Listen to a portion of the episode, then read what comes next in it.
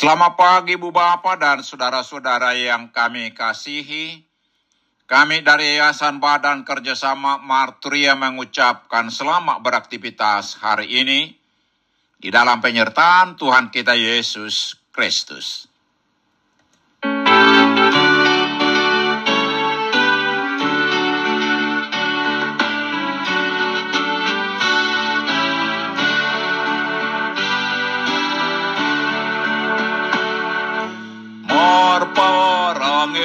Abadia, mau dia dopan mi.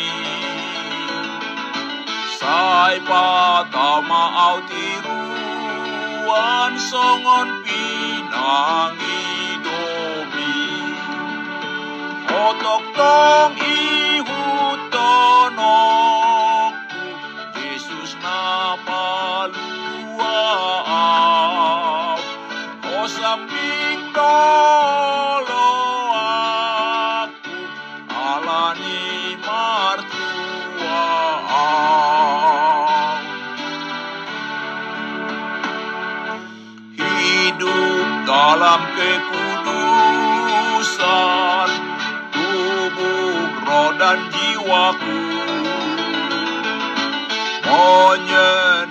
hati Tuhan sesuai kehendakmu.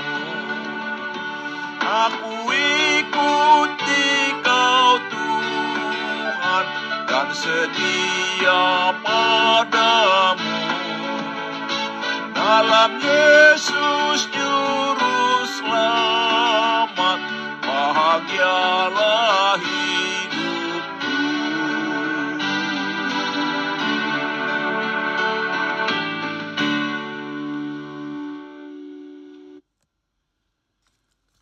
Mari kita berdoa. Tuhan, puji-pujian dan ucapan syukur kami naikkan kepadamu di pagi hari ini atas kasih setiamu, atas berkat-berkat dan penyertaanmu kepada kami. Di pagi hari ini kami hendak mendengarkan dan merenungkan firmanmu. Ungkapkan kepada kami kebenaran firmanmu, dan tolong kami Tuhan melakukan firmanmu dalam kehidupan kami. Di dalam nama Tuhan Yesus kami berdoa. Amin. Saudara-saudara yang dikasihi Tuhan Yesus, firman Tuhan untuk kita renungkan di pagi hari ini terambil dari Roma 6 ayat 6 dengan tema menang melawan dosa bersama Allah demikian firman Tuhan. Karena kita tahu bahwa manusia lama kita telah turut disalibkan supaya tubuh dosa kita hilang kuasanya, agar jangan kita menghambakan diri lagi kepada dosa. Saudara-saudara yang dikasihi Tuhan Yesus, anugerah atau kasih karunia Allah melalui Tuhan Yesus telah memberikan jalan kepada manusia untuk menerima keselamatan dari kuasa dosa. Karena manusia tidak akan pernah bisa melepaskan dirinya dari maut sebagai hukuman atas dosa manusia. Ayat 23, jika hanya mengandalkan kemampuannya. Keselamatan manusia itu hanya ada pada Tuhan Yesus. Yohanes 3 ayat 16. Namun demikian, Tuhan tidak memaksa manusia untuk menerima anugerah itu. Tetapi Tuhan Yesus dengan tegas mengatakan, Akulah jalan kebenaran dan hidup. Tidak ada seorang pun yang datang kepada Bapa kalau tidak melalui aku. Yohanes 14 ayat 6. Tuhan memberikan kebebasan kepada manusia untuk memilih antara hidup di dalam dosa yang membawa kematian kekal atau hidup dalam kasih karunia yang memberi kita hidup kekal. Saudara-saudara yang dikasihi Tuhan Yesus, bagi orang yang memilih hidup dalam kasih karunia, dia telah dimerdekakan dari dosa dan menjadi hamba kebenaran ayat 18.